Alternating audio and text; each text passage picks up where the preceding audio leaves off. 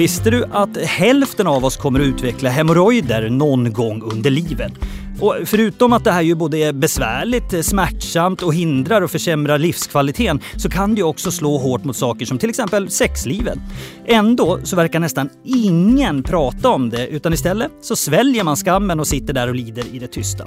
Det är ju inget bra alls. Så idag åker hemorrojderna upp på bordet i Hypokondrikerpodden. Eller ja, kanske inte bokstavligen, men vi har en gäst som i allra högsta grad vet hur det är att drabbas och det är författaren och journalisten Ann Södlund. Woho! Välkommen! Tack snälla. Sitter du bekvämt tänkte jag säga. Jag sitter bekvämt, jag har ju inga hemorrojder. det var det jag tänkte. Snyggt. Ja, nu blev jag ju faktiskt så glad här också så att jag presenterade dig först. Jag kanske ska säga att jag heter Håkan Ivar och om du inte har hört på oss förut så är det här alltså Hypokondrikerpodden. En podd från Kronans Apotek som såklart inte bara är till för dig som har diagnostiserad hälsoångest utan egentligen för alla som någon gång upplever olika symptom, både verkliga och inbillade. Och då är det ju kanske skönare att få råd från folk som vet något än att själv gå och googla in på någon halvskumt internetforum. Och i kategorin folk som vet något eh, räknar jag eh, vår farmaceut eh, Inette Gustafsson från Kronans Apotek. Välkommen! Tackar! Härligt. Håller, ni med om det här som jag sa eh, nyss, att de flesta ändå inte pratar om hemorrojder även om det är så många som har det? Ja, jag håller verkligen...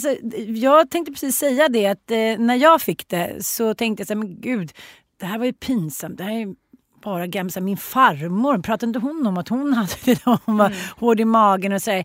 Det finns ju fortfarande ett uttalat tabu, särskilt kring eh, kvinnors eh, liksom, hälsa tycker jag. Att sånt här inte finns. Vi bajsar inte, vi fiser inte, vi har inte sånt här. Vi, eh, när vi har fått barn så bara går vi upp som oskulder därifrån hit och dit. Och det här skapar ju faktiskt en massa trauman och det ska man inte liksom bara skratta åt, även om vi gör det nu. Ja, nej, men jag håller helt med. Och jag mm. hör ju aldrig någonsin män prata om hemorrojder heller. Nej, nej, det, är liksom det, inte ett samtalsämne. Ja, och kanske när, när kvinnor är gravida, då kanske det kommer upp på tal Precis. att man, man kan drabbas. Men, eh, mm.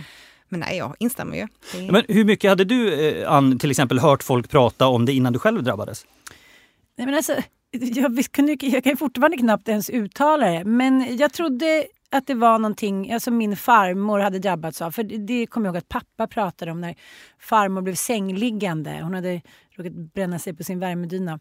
Eh, och åt inte så bra då man inte rör sig på sig så tarmarna och, liksom sådär på något sätt stagnerade. Då tänkte jag säga, jaha det är, väl, det är jag och farmor då.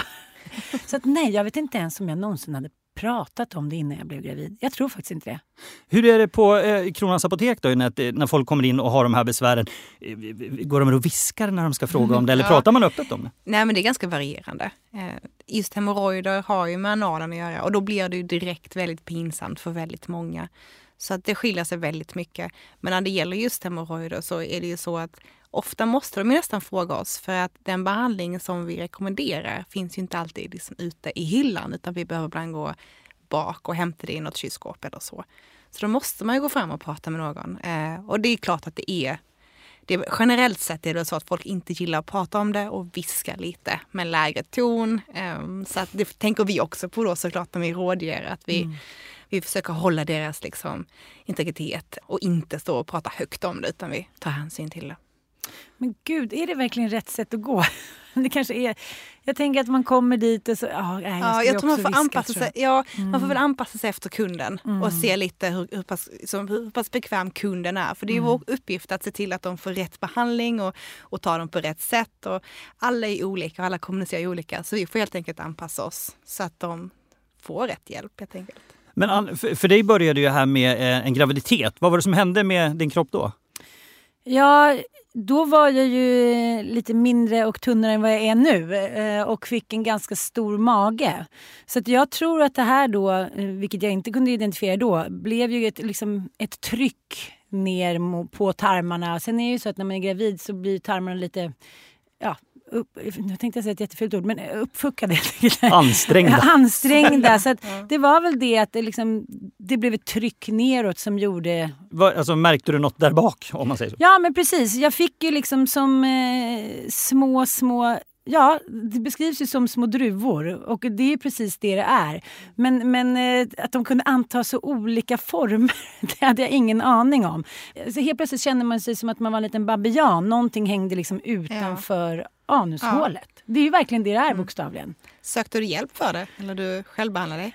Ja, men jag tycker att det har varit, jag har ju fått det ganska många gånger. Det har varit på lite olika sätt. Men eh, först så tänkte jag så men gud vad är det här? Gud vad pinsamt. Men sen så sprack de ju de här små jävlarna. och eh, då kom det ju blod och började svida och då kunde man ju knappt gå till slut. Så då gick jag till apoteket och då fick jag en salva om jag inte minns fel. Vad sökte du för hjälp i vården då? Ja, men det, till slut så när jag blev gravid andra gången då väntade jag en bjässe och, som åt upp hela mig. Så då blev det ännu värre. Så det var som ett skelett gick omkring där vid Odenplan och då blev det ganska liksom eh, urgent. Då fick jag så väldigt stora Ja, nästan som, ja, det kändes ju som att de var liksom 10 gånger 10 centimeter, men det var de inte. Men det kändes ju verkligen som att man hade någonting som, så här, när man skulle torka sig, eller jag kunde knappt ens sitta ner. Uff. Ja, ja men sitta på en vanlig stol som jag gör nu, det är klart att det är så här, och så ja. blev det sprack och sådär. Så då gick jag till min barnmorska och sa herregud vad ska jag göra? Och då sa hon så här, men du kan ju trycka tillbaka dem. Var, var, det, var det det medicinska rådet? Ja, trycka tillbaka hemorrojderna liksom stoppa, till, ja, stoppa tillbaka den in bak Okay. Men för, det, för mig låter det lite som en kalanka jojo-lösning. Att säga, ja, men visst, jag trycker dem nästa gång jag går på toa så, så kommer de ut igen. Eller så. Men vad, hur kändes det då när du fick det rådet? Gick du hem med det? Liksom? Ja, men det är ju så här, när man inte pratar om de här sjukdomarna så har man ju faktiskt ingen aning. Så googlar man så ser man en sån här gammal Wikipedia-bild med liksom en liten druvklase. Då känner man sig ännu mer liksom 1833. Ja. Så ja, jag gjorde väl det och tänkte säga jaha, det var ju jätteobehagligt att ja, stoppa tillbaka någonting in i mm. kroppen. Mm. Men ja, den satt ju där ett tag, sen plupp. Ja, och jag kan säga att jag har faktiskt aldrig hört att man att man ger det rådet. Det är Nej. helt nytt för mig. Ja. Men, men det, jag kan tänka mig att om man går in och googlar på, på nätet så kommer man hitta de, de hemskaste historierna. För mm. det, jag menar alla som på något sätt har något jobbigt att berätta om något extremt, de har ju också en, ett behov av att skriva av sig. Och det är mm. de historierna man läser när man googlar. Men just att trycka upp den, har jag aldrig, har aldrig hört. Nej. Gud, jag trodde det var så ett vanligt råd. Ja, det kanske det är. Men bara, för mig låter det också som så här, ja, ja, men ja, det, det, det, låter som lite hittepå nästan. Ja, men det är lite som min kompis som kom och var så jättedeprimerad, kunde knappt gå upp ur sängen. Till bara gå ut och jogga! så blir det bra. Det är lite så det ska avfärdas. Mm. Det är kvinnojonkser. Så mm. nu tar vi oss i kragen och sträcker på oss. Men sen fick jag ju eh, Sen gick jag faktiskt till apoteket igen och fick en, en annan salva och då var det en, en väldigt bra tjej där som sa faktiskt, vet du jag tycker du ska kolla upp det där för det där ska nog opereras. Okej, men hur gick det sen då? Gjorde du det? Eller? Nej, sen försvann det liksom jag vet inte om jag är så här, man är extra tålig, man kommer från Småland och mormor alltid var så här, shoppar inte Anson. Nej okej då. Det var nog mer att jag inte liksom värdesatte mitt eget lidande. Så att, och sen försvann det och sen har jag inte haft det sen dess. Men jag har haft det varför, alla graviditeter. Varför tror du att det är så eh, att du säger att man värdesätter inte sitt eget lidande? Varför tror du det blir så? Varför tar man inte tag i sådana här problem? Jag tror mycket handlar om att först ska barnen komma, sen ska något annat, sen ska något annat. Och eh, sen samtidigt som när det inte pratas om det, då tror man ju, ja det är väl inte så farligt. Och jag, man får, kvinnor har ju i alla tider fått höra att de är liksom, eh, ja, men håller på och så här, överdriver, så här, ja, ja, ja. För män har ingen aning om vad vi går igenom. Och eh, all anatomi är ju liksom, allting forskning är ju på mannen. Så det är ju inte så här, till männens försvar så kan ni faktiskt inte föreställa er. Men just att det är så här skambelagt och tabubelagt gör ju att så otroligt många kvinnor lider i onödan. Mm.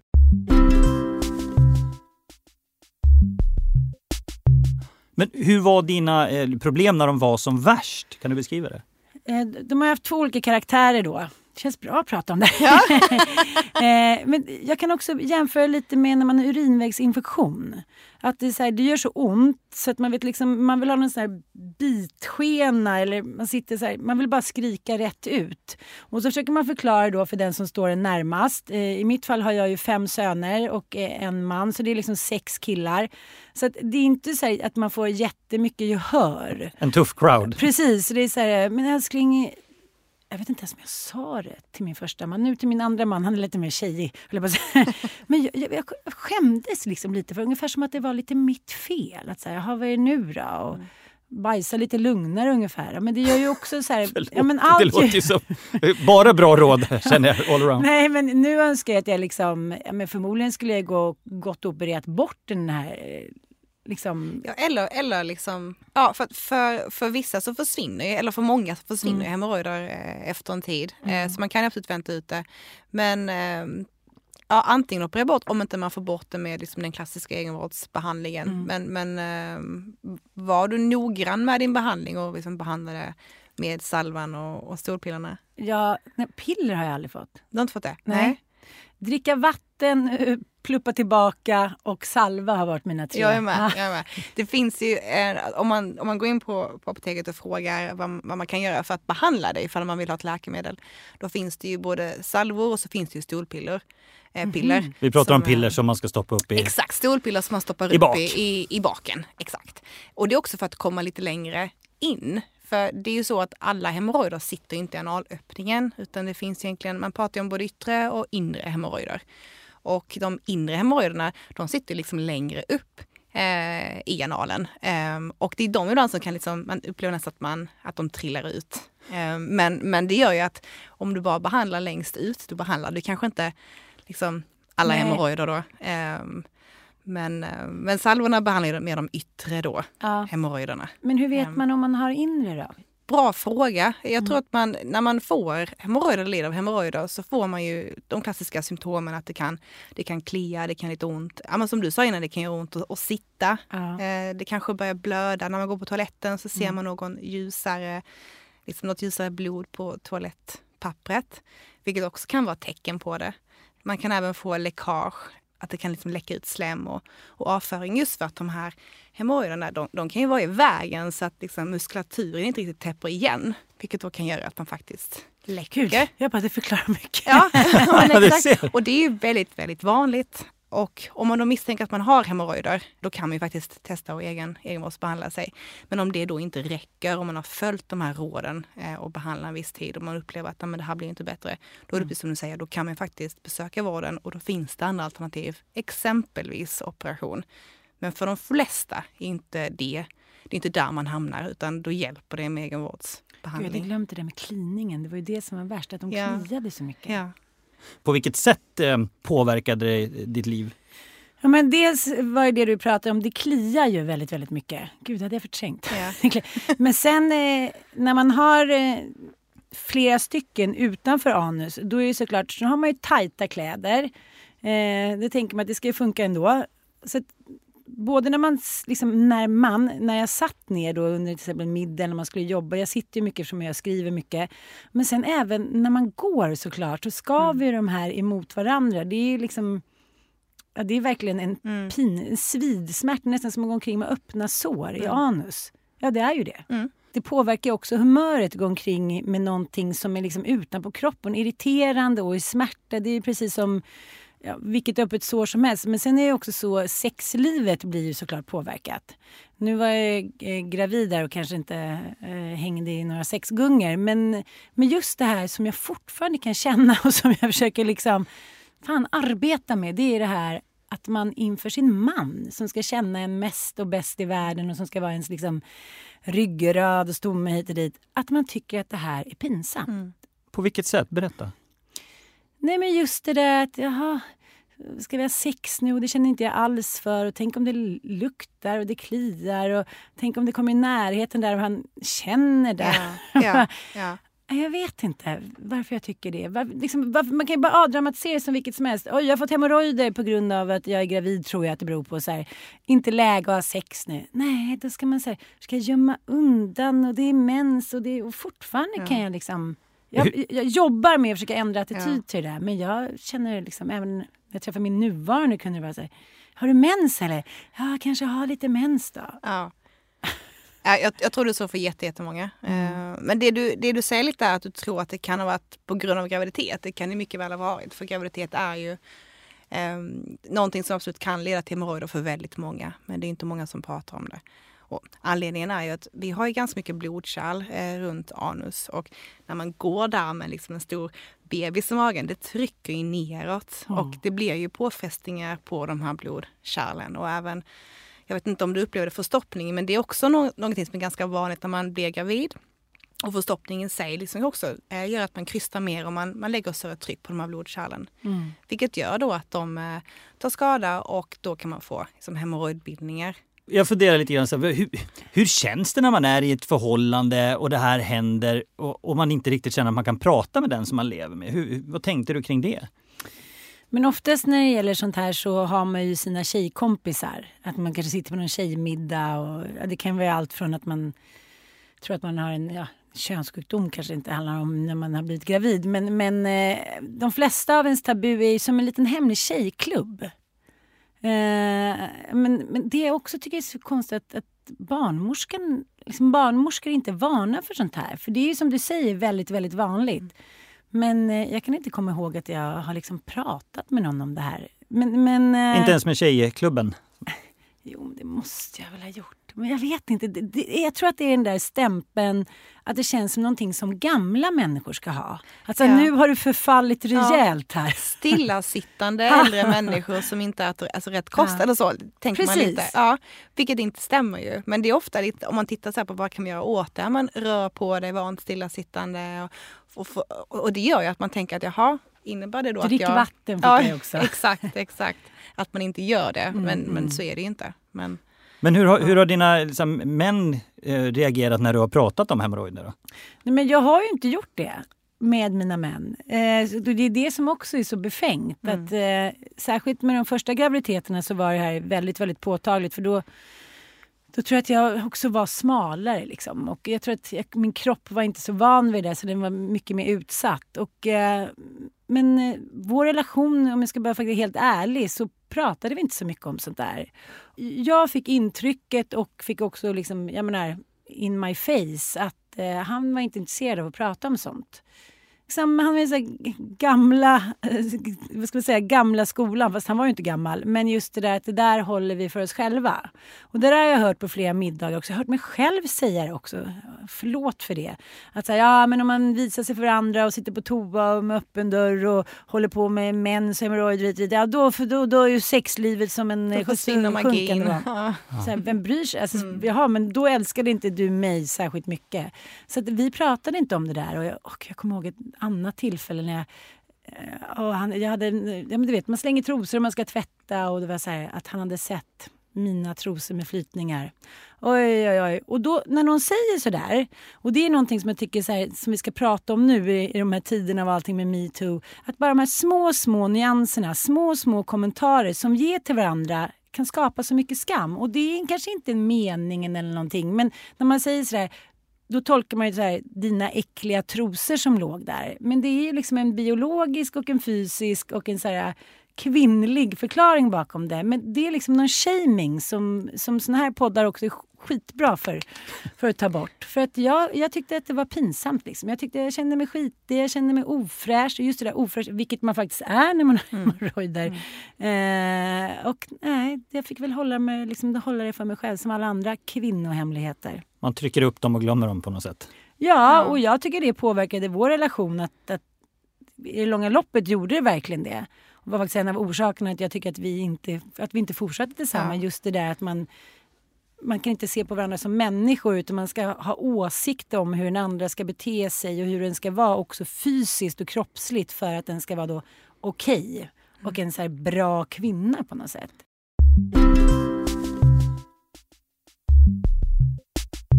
Vi pratar ju väldigt mycket om hälsoångest i, här i Hypokondrikerpodden också. När jag började googla hemorrojder första gången så var det första sökförslaget jag fick upp hemorrojder och cancer Var- tillsammans. Och då är det ju lätt att man eh, minst sagt börjar oroa sig. Hur är det med det här egentligen?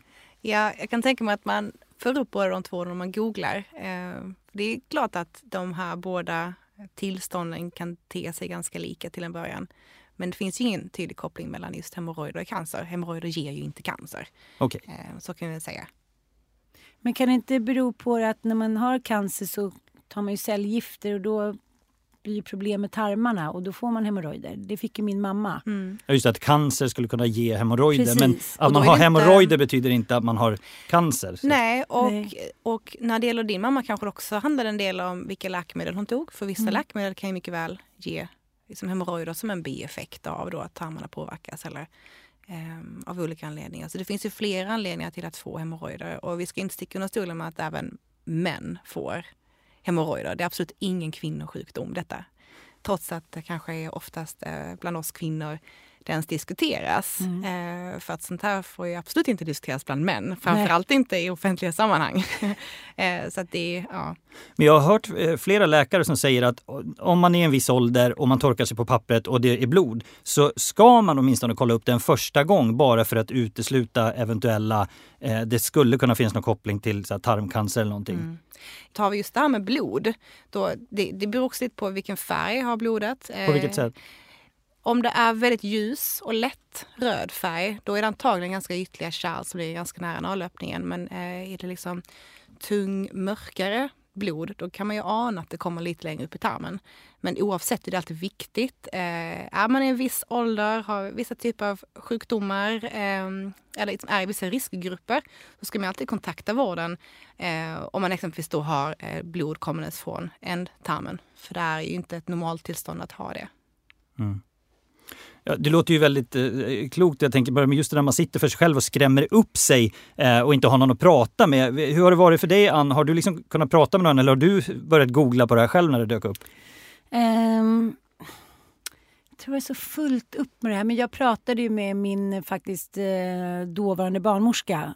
Det är inte du Silla, så du, inte, du har inte skuld till det här. Eh, och hon var ju lite av den gamla skolan. Hon borde faktiskt ha gått i pension för mm. länge sedan. Det var mycket hon sa som verkligen skrämde upp mig. Det här var inte normalt och nej, nu kanske fostret är dött. Och... Gud, det vill man ju inte nej, höra. Det är jag har ingenting och mycket sådana där grejer som man liksom... Mm. Men gud! Ja, så jag hoppas verkligen att det kommer gå snabbt nu. Um, men för, för jag berättade för henne att jag hade så ont att jag inte kunde sitta för att jag hade fått såna här stora hemorrojder. Och jag, nu ska du inte skrämma upp någon, men, men de var ju liksom när det var som värst var de ju så här, det kändes i alla fall som de var så här, 3-4 centimeter. Kan det stämma? Jag vet inte hur stora de kan bli faktiskt. får nästan, eh, Eller så slog du rekordet, vem vet? Ja, Nej, men det kan jag, säkert variera i storlek. När jag skulle tillbaka in i alla fall med det fiffiga rådet jag fick då av, av henne, den här lite äldre kvinnan som gav de här goda råden och ehm, ja, skrämde upp mig rejält på många sätt. Så det, det var väl henne jag pratade med. Och sen min bästa kompis som inte var, hade fött barn eller var gravid, så för henne var det lite så här, jaha, ja ja men uh, gud vad äckligt typ. Ah, ja. Mm, sen var det inte så mycket mer med det. Så jag var nog ganska ensam med det där. Och sen har jag ingen mamma heller så att det vill säga mm. det är faktiskt mm. det är lite sorgligt att tänka på. Ja, ja, men den här ensamheten, eh, för att det är ju såklart det är uppenbart eh, vad det verkar att det är väldigt plågsamt fysiskt. Mm. Men jag tänker mig att det måste vara väldigt plågsamt just psykiskt. Liksom. Ja, men när man går omkring och har ont eh, utan att kunna prata om det och det påverkar en i ens vardag. Sen andra gången jag var gravid och, fick den här jättebebisen, då hade jag ju redan ett barn och då blev det ännu mer liksom, påfrestande att inte kunna gå. Han sprang ju också väldigt tidigt. Så jag säger, hey! Men då tänker jag, men gud, det kanske det kunde ju faktiskt bli lite farligt när han sprang iväg. Därför just den här känslan av att det är ju en djävulusig smärta ja. när de spricker upp sådär. Ja. Så att, eh, nej det är svårt att vara en glad mamma då. Kanske. Ja, precis. Eh, men vi har ju pratat lite grann om de här olika behandlingsmetoderna som man kan göra mm. med självbehandling. Mm. Eh, och du har pratat om eh, både tabletter, Precis, vi pratar inte suppositorier heter det. Exakt, vi pratar inte om tabletter man sväljer utan tabletter man stoppar upp. Precis. Också salvor. Krämer eller salvor och mm. eh, stolpiller. Ja, precis. precis. Vad gör de här olika? Mm, de har eh, oftast en kombination av två olika ämnen i sig. Eh, ett ämne som är lokalbedövande, ofta lidokain. Eh, och det, det, som sagt, det är just vad det är. Det är, det är lokalbedövande eh, och minskar liksom både, både kliandet och smärtan. Sen finns det även eh, ofta ett kortisonpreparat också eh, i de här eh, salvorna och solpillerna. Eh, och det som kortisonet gör det är att det drar också eh, ihop eh, kärlen så att man får en avsvällande och antiinflammatorisk effekt men kan också bidra till att minska liksom, eh, kliandet och så. Och det är de? Så, det är de, ja. Om de inte räcker till, vad gör man då? då? Ja, om, man har, om man har följt då den här behandlingsordinationen och, och varit, varit duktig där och smörja eh, och varit ihärdig och det fortfarande inte hjälper, om man har haft liksom, för återkommande problem eh, som man inte blir av med, då gäller det att kontakta vården och faktiskt få en utredning och se ifall det finns andra alternativ. Som vi, lite, som vi var inne på lite tidigare med att det finns operationer eh, att göra till exempel för att faktiskt bli av med det. Men eh, precis som du har varit inne på, Ann, det är så viktigt att faktiskt ta tag i det och värdesätta sig själv och värdesätta sin egen smärta. För det är ju mm. ingen värt att gå runt och känna så. med tanke på också hur, hur, många som gör det och inte säger någonting utan att faktiskt ta tag i det och, och våga prata om det. Och våga komma in på exempelvis hos oss på Kronans Apotek och våga fråga kring det. Eh, för det är så pass vanligt och det är ingenting att skämmas över. Men Ann, hur, hur mår du idag då? Hur är det med besvären? Nej, nu har, de två senaste graviditeterna så har jag inte haft några problem. Men det är mycket annat tycker jag med underlivet. Herregud, men eh, det är svårt att ha koll på det. Eh, man får ju säga sätt dig ner och titta med en spegel hit och dit. Men, men eh, ja, jag tänker att, att man ska känna lite mer respekt för underlivet. Det är någonting som, jag sa det till eh, min poddkompis Anita, man känner sig lite som en kentaur. Man, så på vilket sätt Ja, men man, så här, man har något ben där och sen så springer man omkring och så är liksom fokus på överkroppen. Eh, och det här man ska knipa som är så viktigt. Det, ja, man liksom, vi sitter ofta på tjejmiddagar och säger så här, men gud vi måste knipa. Okej nu kniper vi! Och så kniper alla så sitter alla så tysta. Vi kan liksom inte göra två saker samtidigt. Mm. Ah, gud vad tråkigt va? Ah, bla, bla, bla. Men, men om vi pratade mer om eh, kvinnliga problem upp i åldrarna så skulle det ju faktiskt kanske, eh, vi kanske skulle visa mer respekt för våra egna kroppar. Jag tror att det handlar om det. Vi har inte särskilt mycket respekt. Då är det så här, okay, jag måste börja yoga och visa respekt. Man kan göra det på många andra sätt och också få med sig männen tror jag. För det är ju svårt för dem, tror jag, alltså, såklart, när man inte riktigt pratar om det. Eh, det var ju någonting på alla, den 8 mars var det många som la ut så här, ja, mitt ex är fortfarande och letar efter min klitoris någonstans här ute i Vasaparken. Bla bla. Att just det att, att man kanske skulle ha lite mer utbildning för liksom unga killar och tjejer om anatomi. För att jag, om någon skulle ge mig en liten, ja vad ska man säga, en, en naken kvinna så anatomiska och säga så här, peka ut allt det här. Jag vet inte om jag skulle kunna det. Inte ens som din egen kropp så att säga? Inte klockrent. Jag skulle inte falla rätt på provet. Men om du skulle ge ett råd till, till alla där ute som lider av samma problem som du har upplevt, vad skulle det vara? Nej men det skulle nog vara att först och främst gå till apoteket och sen eh, förklara läget och sen säga så här, men hur funkar det här? Som till exempel du sa, de här inre mm. hemorrojderna, det visste inte jag. Mm. Och det förklarar också varför det blir blod och läcker och hit och dit. Mm. Men det som, det som också många måste förstå, även ni på apoteket, är att bara för att det finns Google och för att många är pålästa så vet man inte allt, för allt står inte. Så det är jätteskönt att ni finns där och verkligen kan berätta för då slipper man så här, kanske man kunde lidit i en vecka istället för från och till liksom i fem år som jag gjorde. Mm.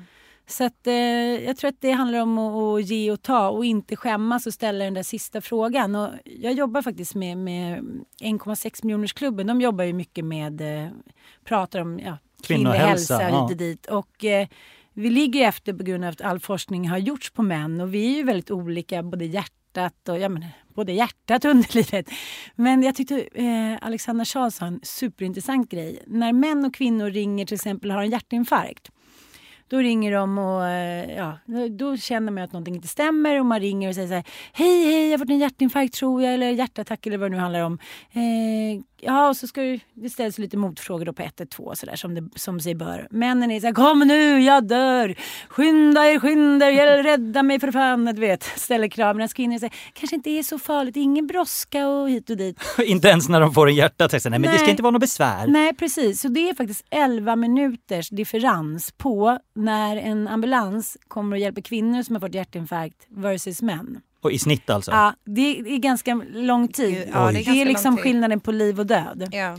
Så jag tänker att det är så fint när du berättar för att personalen måste också utbildas i det här att ja. kvinnor och män, äldre, yngre, vi har helt olika tillvägagångssätt. Ja. Så att man kanske, du vet, som det är med barn, så här, men är det säkert att mamma mår bra eller du mår bra? Man kanske ställer så här, en extra fråga eller äh, vi skickar en ambulans ändå, så här, jag fattar. Så det, det, är liksom en, en samhällsförändring som måste till tror jag. Mm. Men det är ganska intressant det du säger för jag vet att jag har även hört att väldigt många äldre, framförallt äldre kvinnor, de ringer inte 112 utan de ringer ju sina barn ah. i första hand. Mm. Um, så, ja. Ja, och det... så det är intressant det där hur man, hur man ser på sig själv och hur man ser på liksom sin egen hälsa. Och vem man frågar, vem man vågar lita på mm. och vem man vågar prata ja, men exempelvis hemorrojder med. Det är inte varje person man gör det med. Nej. Tyvärr. Hörni, Tack ska ni ha. Tack Ann. Eh, jag gissar att det finns både en och annan som tycker att det är befriande att höra eh, att fler delar samma problem. Eh, men framförallt så tänker jag att det känns likadant med hemorrojder som med de flesta åkommor. Att det är bättre att försöka ta tag i det så snabbt som möjligt om man kan. Det blir sällan bättre av att man sitter och väntar och lider, och oroar sig i onödan. Vad säger du Nät? Nej absolut, absolut. Som du sa också, ett första steg, kom in och prata med oss på Kronans Apotek. Våga fråga, för vi vill väldigt gärna hjälpa. Och jag vill också säga, nu inte, behöver inte jag sälja er ner på något sätt, men jag tror att det är nog ganska många äldre också som inte vet om hur mycket ni kan. Eller många som inte vet om. Ni är ju ni är väldigt välutbildade. Mm. Ni kan ju liksom allt om allt. Mm. Mm. Så att, eh. Sitter jag och säger. Mm, mm.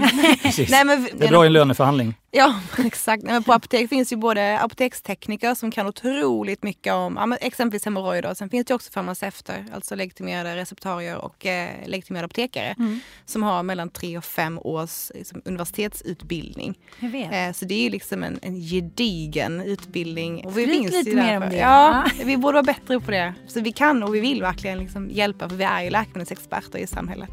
Ja, det var allt för idag. Tack för att ni lyssnade och hör oss snart igen i Hypokondrikerpodden.